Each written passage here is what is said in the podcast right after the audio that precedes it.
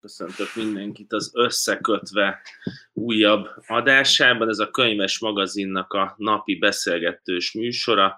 30 percben hívunk meg ide vendégeket, általában olyanokat, akik könyvekről írnak, beszélnek, és valamilyen területhez nagyon értenek, és így lett a mai vendégünk orvostót Noémi, klinikai szaksz, szakpszichológus, és az Örökölt Sors című könyvnek a szerzője. Szia Noémi, köszöntünk itt a műsorban. Sziasztok, szervusz, én is köszöntök mindenkit. Köszönöm a meghívást. Hát mi, mi örülünk, hogy így szombat délután ráértél. Hát éppen ráértem, igen. Ez egy speciális adás lesz abban az értelemben, hogy nem csak a könyvekből indulunk ki, hanem képzőművészetből is, mert ma van a Slow Art Day, ami azt jelenti, hogy a világ múzeumai normális időben arra hívják fel a figyelmet, hogy a művészetet kicsit lassabban fogyasszuk, menjünk el múzeumokba, galériákban, galériákba, és 5-10 percet egy-egy műtárgyal töltsünk el, és az nem titok, hogy mi eredetileg úgy készültünk, hogy ez a Ludwig Múzeumban lesz ez a beszélgetés, a Ludwig Lounge sorozatunkban, mert hogy ekkor nyílik meg a Slow Life kiállítás a múzeumban, ami alapvetően azt vette volna figyelembe, hogy a képzőművészek hogyan reagálnak a körülöttünk lévő globális világra, erre a felgyorsuló életre, és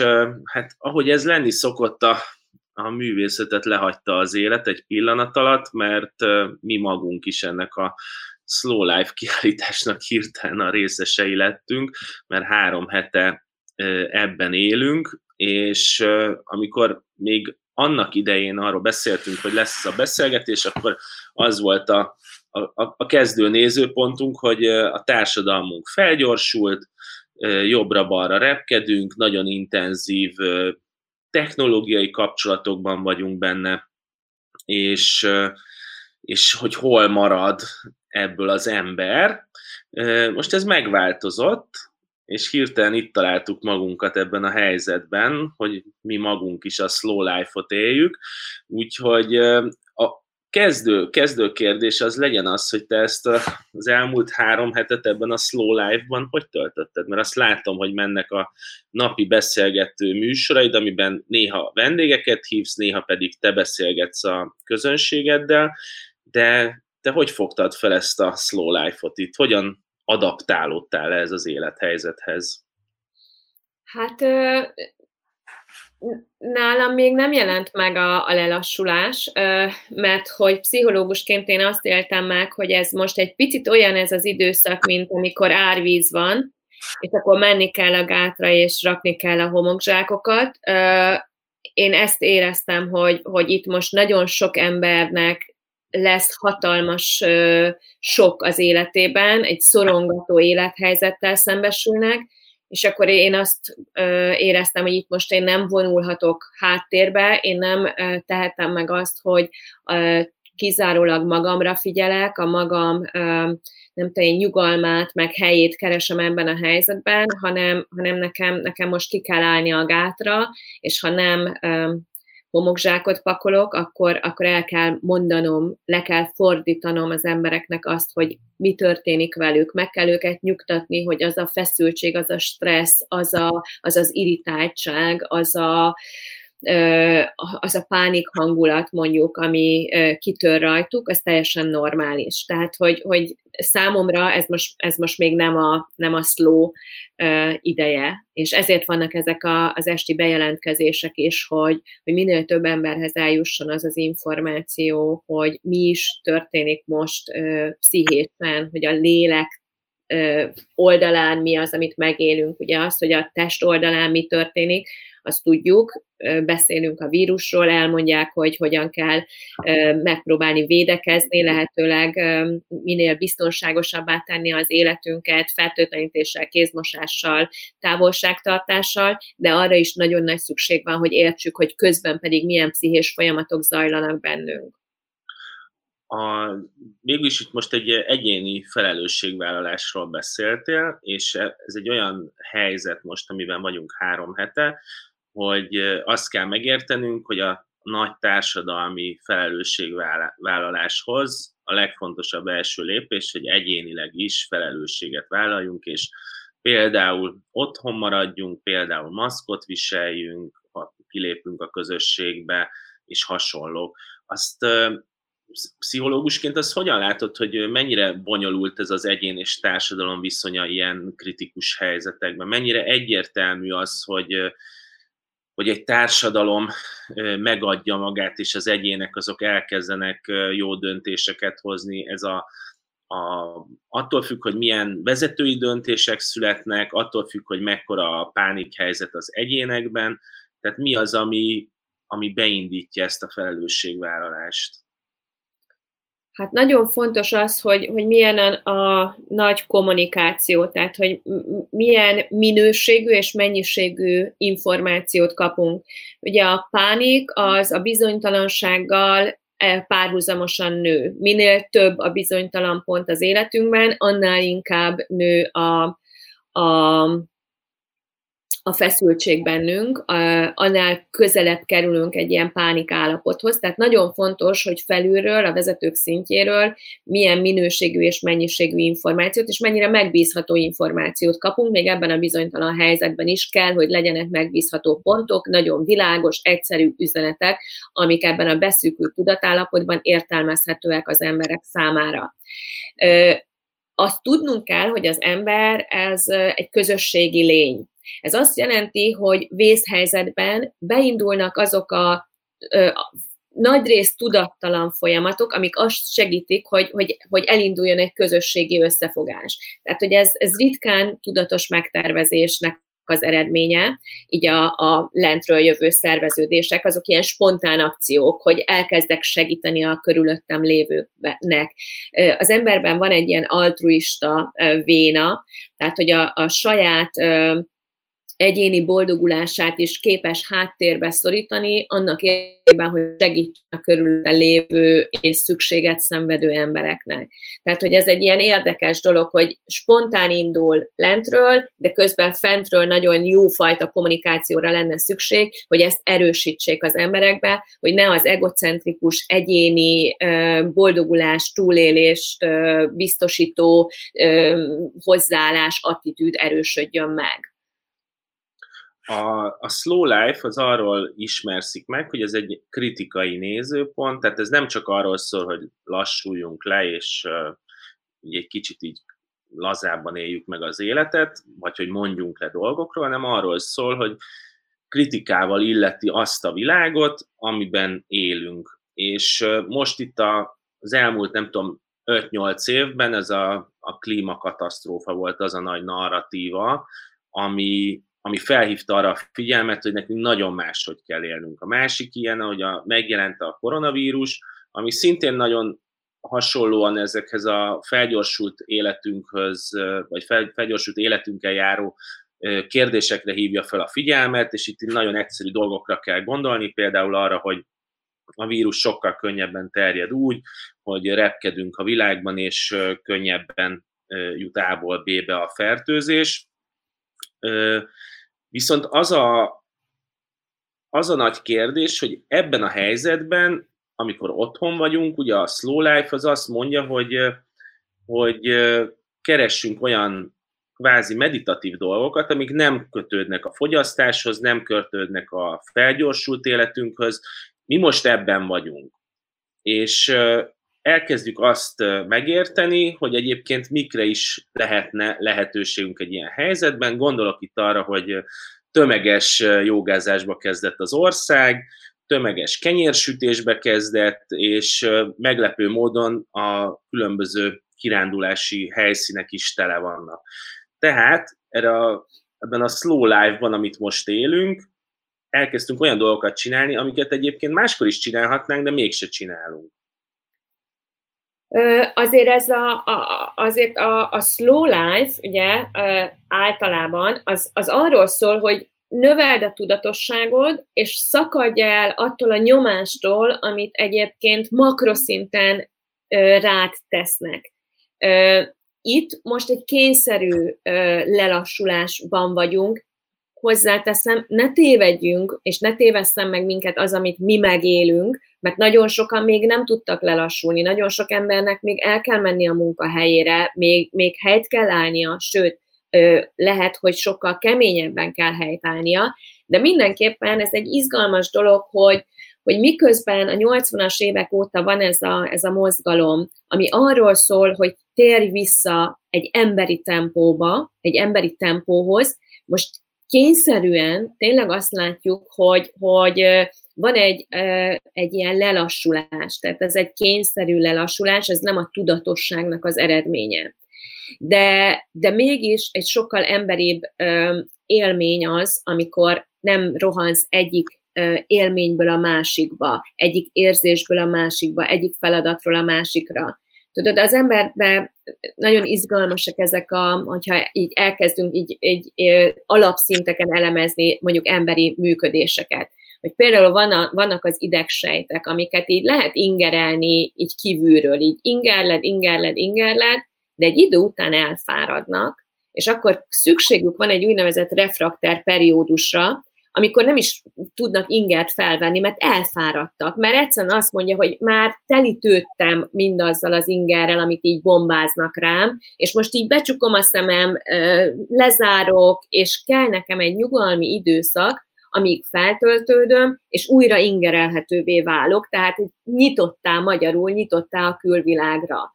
Na most ez az, amit egyébként így elfelejtettünk, és, és így kiírtunk az életünkből. Ezeket a nyugalmi periódusokat hogy egyik élményből, egyik feladatból kaptunk bele a másikba, anélkül, hogy az igazi elmélyülést, az igazi megélést, azt megengedtük volna magunknak.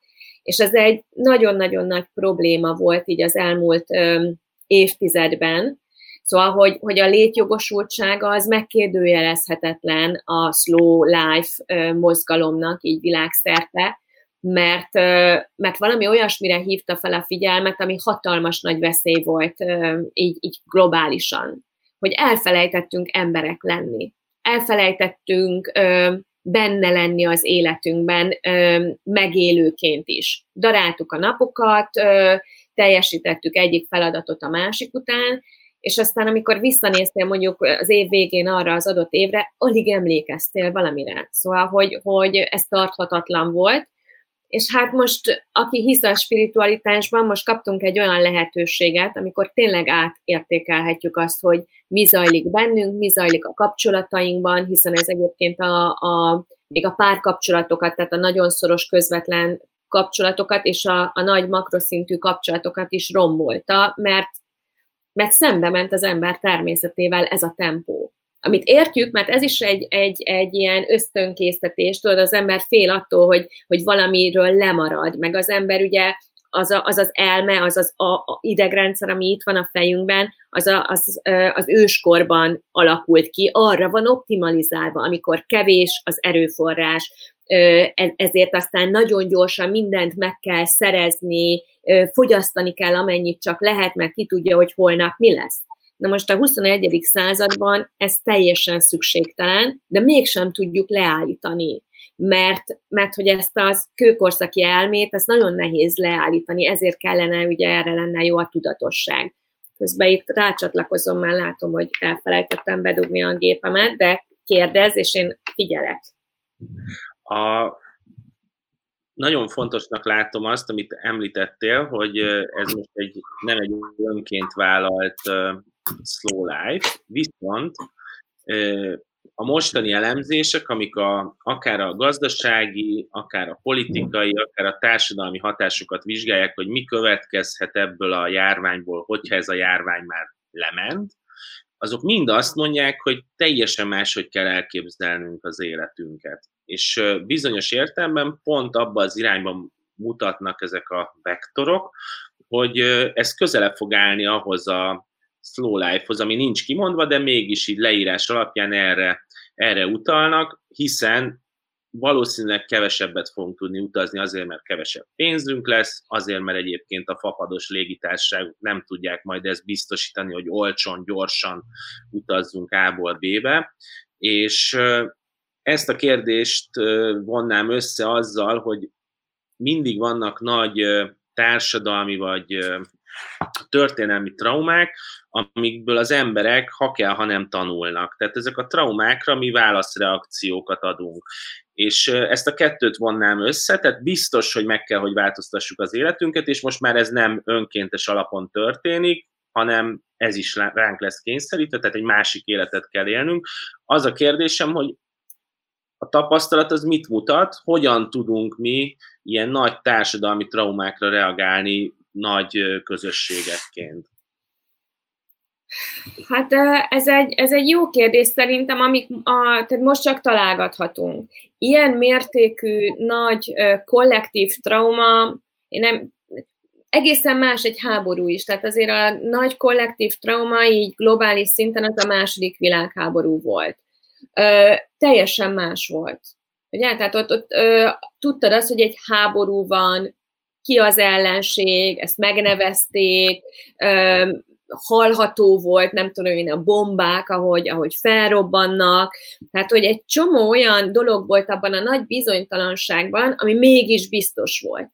De most itt ebben a helyzetben nagyon-nagyon sok a bizonytalan tényező. Nem tudjuk ennek a vírusnak, nem ismerjük a természetét, újabb és újabb hírek jönnek arról, hogy, hogy hogy hogyan működik, hogy milyen fajta tünetekkel jár ez, hogyha elkapjuk. Igazából a statisztikai adatokat is hol megkérdőjelezik, hol nem, és így, így kavarog egy csomó információ és ezért nagyon nehéz bármiféle párhuzamot vonni korábbi nagy kollektív traumákkal. Egy biztos, hogy a trauma az azt jelenti, hogy széthullik minden, amit korábban biztosnak hittél.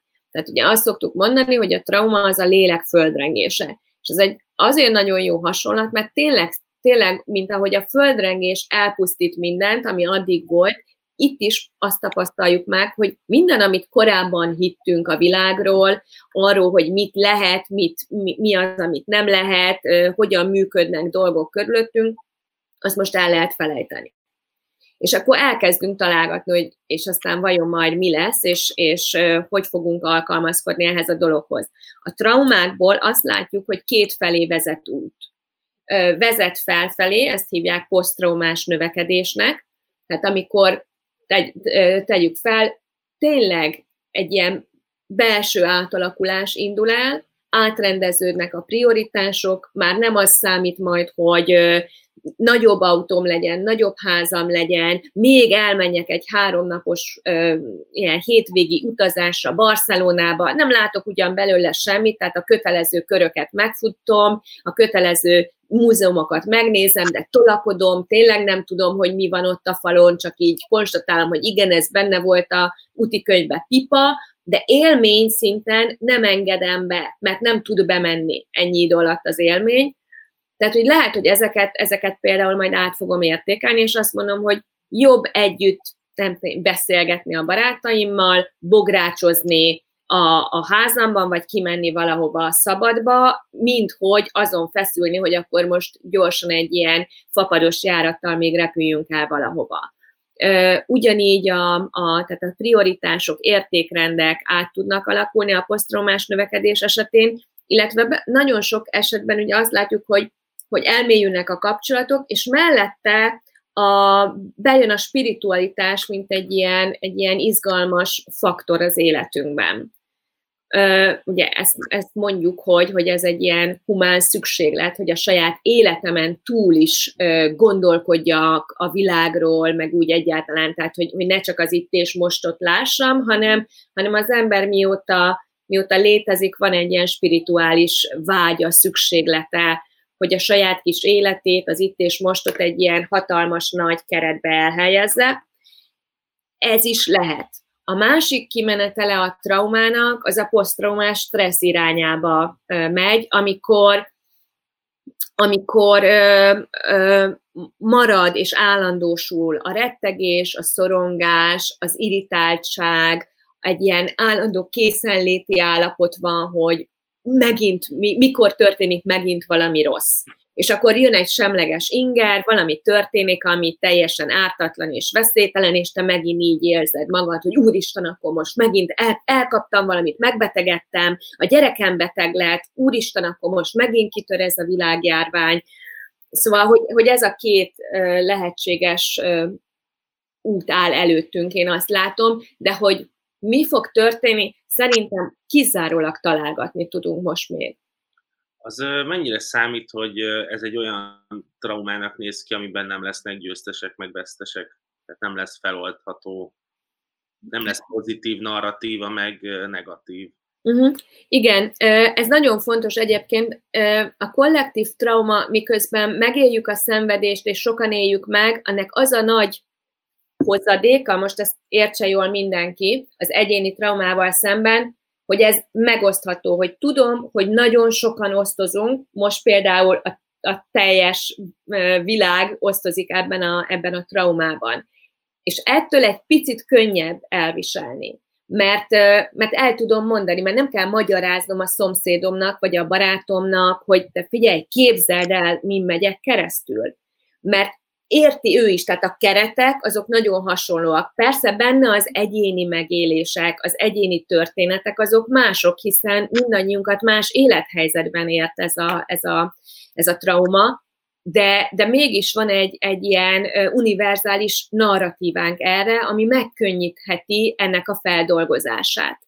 És van, és ahogy látom, van arra is egy univerzális narratíva, hogy miért történt mindez. Pont ezért, mert fel voltunk gyorsulva, mert nem figyeltünk oda egymásra, mert már, mert, már belekényszerítettünk magunkat a fogyasztásnak a mókus kerekébe, és hát most ezen kell változtatni, és ez is egy globális narratíva, és hogyha képesek leszünk ezt, ezt így megragadni, és őrizni, és ebből a növekedés irányába indulni, akkor, akkor lehet esélye annak, hogy egy jobb világ lesz. Azt azért tudnunk kell, hogy a, szóval, hogy a pénzvilág az mindig abban lesz érdekelt, hogy te fogyasz. Ö, nagyon észnél kell lenni, hogy az ember azt tudja mondani, hogy nem, nem akarok olyan tempóban fogyasztani, mint ahogy azt ti elvárjátok tőlem, és nem akarom azt fogyasztani, amit ti elvártok tőlem a transgenerációnak nem csak szakértője vagy, hanem ezzel azonosítanak, amióta az örökölt sors megjelent, és különböző előadásaidban, könyvedben, meg interjúidban arra hívott fel a figyelmet, hogy milyen fontos az, és mennyire nem nézünk ezzel szembe, hogy minden történet, az valahogy már korábban is megtörténhetett valamilyen formában, és ezek kvázi, mint ilyen kulturális gének így beépülnek az életünkbe. A jelenlegi helyzetben mondjuk valaki egy anya vagy apa, aki már valamilyen információt hordoz magával, hogy a szülei, nagyszülei min mentek keresztül kommunizmusban, a háborúban, akárhol, ő hogyan tud azzal szembenézni, hogy neki milyen feladata lesz, hogy a saját gyerekét hogyan irányítsa ebbe az új világba? Uh-huh. A kulcs az mindig a szülő, a felnőtt. Tehát, hogy nem a gyereket kell irányítani, hanem a szülőnek kell megtalálnia a saját egyensúlyát ebben a helyzetben is. Ez nem egy könnyű feladat, de mindig, mindig ez a kulcs hogy te, mint szülő, mennyire tudod azt közvetíteni a gyereket felé, hogy igen, ez egy nehéz helyzet, tehát hogy most az nem jó üzenet, hogy ugyan már mindjárt vége, nem kell ezzel törődni, mert nincs mindjárt vége, és nagyon is kell vele törődni. De közben azt kell üzenni, hogy képesek leszünk ezzel megküzdeni. Nem tudjuk, hogy hogyan, mert most még, hogy két-három hónap múlva, egy fél év múlva milyen nehézségekkel fogunk családszinten, egyén szinten szembe kerülni, ezt most még nem tudjuk. De azt a hitet, hogy én itt vagyok szülőként, és én mindent megteszek annak érdekében, hogy, hogy megoldjuk a helyzetet, ezt az üzenetet, ezt el kell jutatni a gyerekhez, és a gyerek ezt akkor fogja elhinni, hogyha te hiszed. Tehát, hogy mindig ez, a, ez, a, ez az üzenet a szülők felé, hogy mielőtt a gyereken akarnak szerelni ezt-azt, megváltoztatni ezt-azt, megmagyarázni a gyereknek ezt-azt, az a legfontosabb, hogy ők hogy vannak ezzel. Tehát itt, itt most ezt nem lehet kikerülni, nem lehet kikerülni a tudatosságnak a kialakítását, hogy minden nap egy picit oda kell magamra figyelni, arra, hogy éppen hogy érzem magam, hogy stabilizálni kell az érzelmi állapotomat, naponta többször is egy picit így megvizsgálni, hogy hogy vagyok. Akár beállok a tükör elé, és megkérdezem, te hello, hogy vagy? és aztán, hogyha azt érzem, hogy most nagyon nagy bennem a feszültség, akkor bizony tennem kell annak érdekében, hogy ez csökkenjen, és akkor tudok majd a gyerekemnek jó üzeneteket közvetíteni. De ezek nem verbális üzenetek, ez egy nagyon fontos dolog, hogy, hogy ami a verbalitás szavak szintjén megy, nem a, az soha nem az a lényeg, hanem hogy mit él meg belőlem a gyerek. Úgy is érzi, hogy én hogy érzem magam. Ehhez kapcsolódóan most az elmúlt egy hétben beszélgettem, nem ehhez kapcsolódóan beszélgettem, ehhez kapcsolódóan kérdezek, mert beszélgettem ismerősökkel, akiknél van kisgyerek, meg van tínédzserkorú gyerek, és, és ők ebben a helyzetben szülői pozícióból szólaltak meg, és az volt az érdekes benne, hogy azzal foglalkoztak, hogy hogyan, hogy, hogy mi lesz a gyerekükkel a következő 10-20-30-50 évben, mert hogy az egy hirtelen ezek a gyerekek megismertek akár 5-6 éves korukig, akár 15 éves korukig egyfajta életet, látták, hogy a szüleik hogy élnek, el tudják képzelni, hogy kb. mi számít ideálisnak, viszont ezek a gyerekek a valódi életüket már nem ebben az életben fogják, vagy nem ebben a világban fogják élni, és azt láttam ezeken a szülőkön, akik jó barátaim, hogy ez egy nagyon nyomasztó kérdésé vált hirtelen számukra. Nyilván mindig van egy szülői szorongás azzal kapcsolatban, hogy a gyereknek milyen élete lesz, de azt látom, hogy ez most egy ilyen nagy kihívás, amivel a szülőknek szembe kell nézniük. Egészen biztosan, miközben, hogyha végignézed a 20. századnak a történelmét, én is a 20. században születtem, Istenem, hát szovjet katonai laktanya volt a, a szomszéd városban, és, és abban éltünk, és masíroztam úttörőként piros nyakkendővel, és ének, énekeltem a mozgalmi dalokat, tehát, hogy én sem abban, a, tehát hogy csak az én életemben is már hány váltás volt. És, rugalmas alkalmazkodással bármiféle változáshoz képesek vagyunk hozzászokni, abban megtalálni a helyünket, és igazából ez a lényeg, hogy a gyerekeinket ne egy bizonyos nem tudom én, szocioekonomiai státuszra szocializáljam, hogy már pedig itt nekünk mindig lesz pénzünk, ennivalónk, nem tudom én micsodánk, és te ö, Amerikába mész majd egyetemre. Most csak mondtam valamit. Tehát, hogy ne, ne ez legyen a cél, hogy ezt adom be a gyerekemnek, hogy már pedig én tudom, hogy veled mi lesz, hanem arra tanítani, hogy rugalmasan képes leszel majd alkalmazkodni, bármilyen körülmények is jönnek, akkor te, te megállod majd a helyedet de ezt kizárólag a saját példámon tudom megtenni, hogy rájövök, hogy egyébként én is ezt csinálom. És a, a saját szorongásomat csökkentem, mert amikor szorongok, akkor egész biztos nem tudok alkalmazkodni. Tehát, hogy egy ideig segíti az alkalmazkodást a szorongás, mert bemozdít, de egy idő után már, már debilizálóvá válik, tehát hogy, hogy konkrétan csökkenti az esélyedet arra, hogy jól felmérd a helyzetet, amiben éppen benne vagy. És ez egy nagyon fontos dolog, hogy, hogy magadon kell egy kicsit így, hát olyan hülyén hangzik, de mindig ezt mondjuk dolgoz magadon, de ez azt jelenti, hogy egyensúlyoz ki magad újra, és újra, és újra, és akkor majd mindegy, hogy mi jön, mert úgyse tudod, hogy mi jön, de képes leszel alkalmazkodni, tehát hogy legyen egy ilyen, egy ilyen, tényleg egy ilyen rugalmasságod, egy ilyen idomulásod az éppen aktuális helyzethez hogy ne, ne húzzon le a, a félelemnek, meg a rettegésnek a, a, ez a mocsárszerű élménye. A Slow Art Day van, és ez ugye most a Ludwig Múzeumban történne ez a beszélgetés, képek vennének körül minket, és arról beszélgetnénk, hogy az egyes műtárgyak hogyan hatnak ránk. Ez most ebben az értelemben nem történik meg, viszont azt látjuk, hogy az elmúlt három hétben, amikor a, ezt a az iskolákat lezárták, és arra kértek mindenkit, hogy maradjanak otthon, akkor ilyen egyik pillanatra a másikra elképesztő mennyiségű kulturális tartalom jelent meg az interneten, és, és úgy, úgy reagáltak az emberekre, hogy kultúrát fogyasztanak, aminek nyilván van egy olyan része, hogy a, a hirtelen felszabaduló időt értelmesen kell eltölteni, másfelől meg a kultúrának és így az egyes műtárgyaknak legyen az könyv, film, zene vagy festmény, van egy olyan szerepe, hogy az egyfajta tükörként szolgál, tehát én ha elkezdek olvasni, akkor én nem az van, hogy egy rajtam kívülálló dolgot olvasok, hanem valójában egy párbeszédbe lépek magammal, aminek a könyv egyfajta csatornája. Hogy ebben a helyzetben kultúra az milyen szerepet játszhat?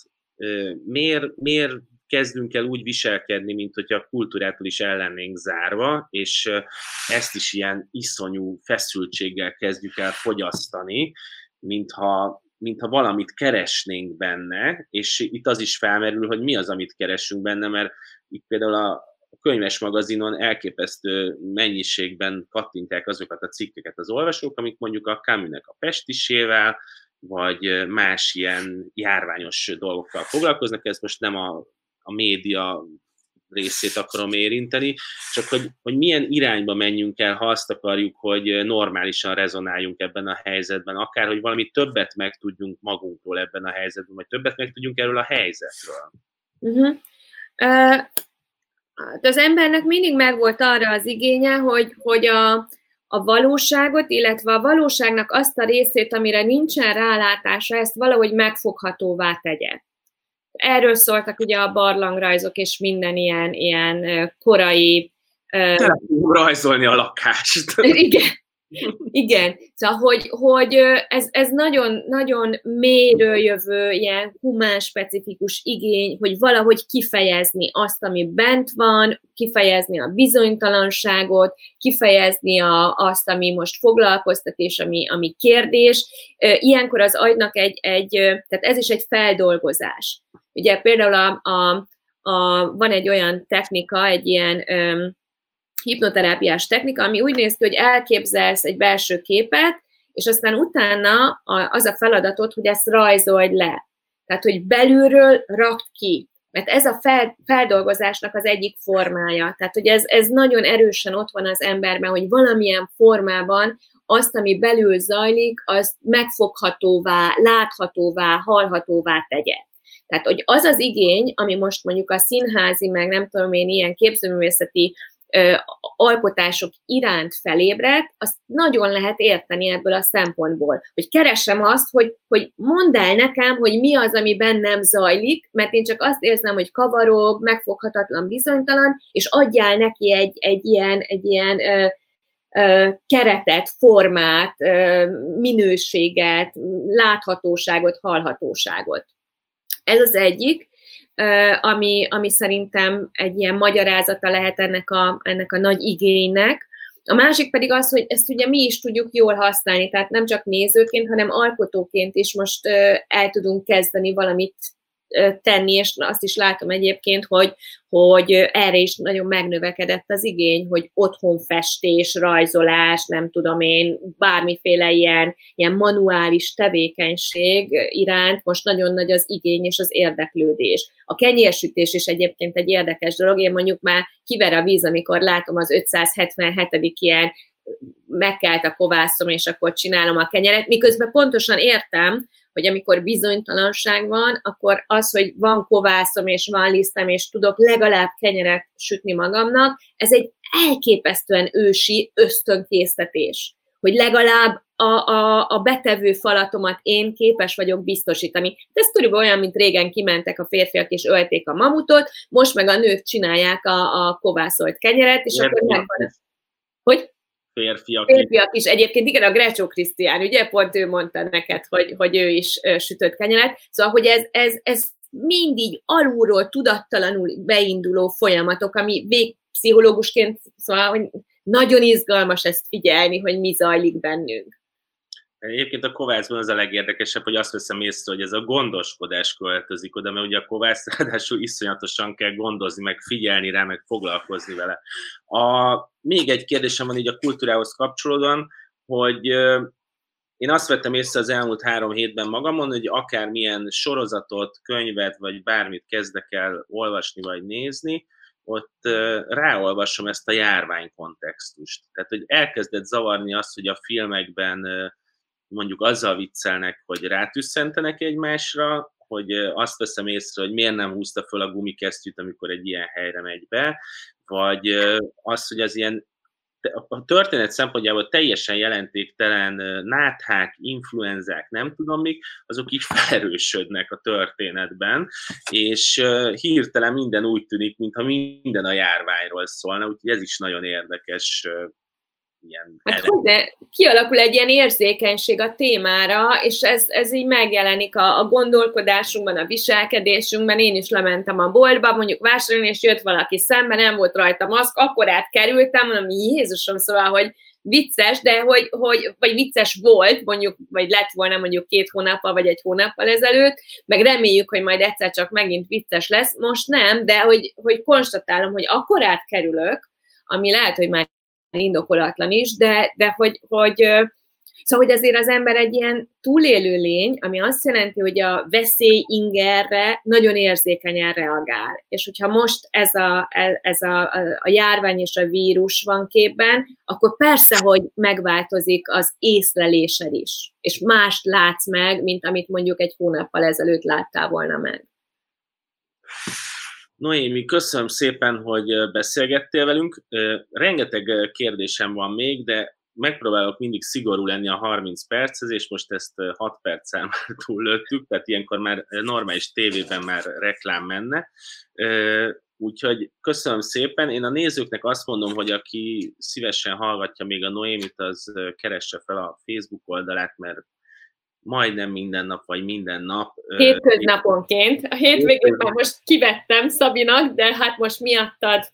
Köszönöm szépen. Hétköznaponként bejelentkezik este nyolckor, és hol vendégeket hív, hol meg nem hív vendégeket, és megy, megy a folyamatos megfejtése annak, hogy miben vagyunk.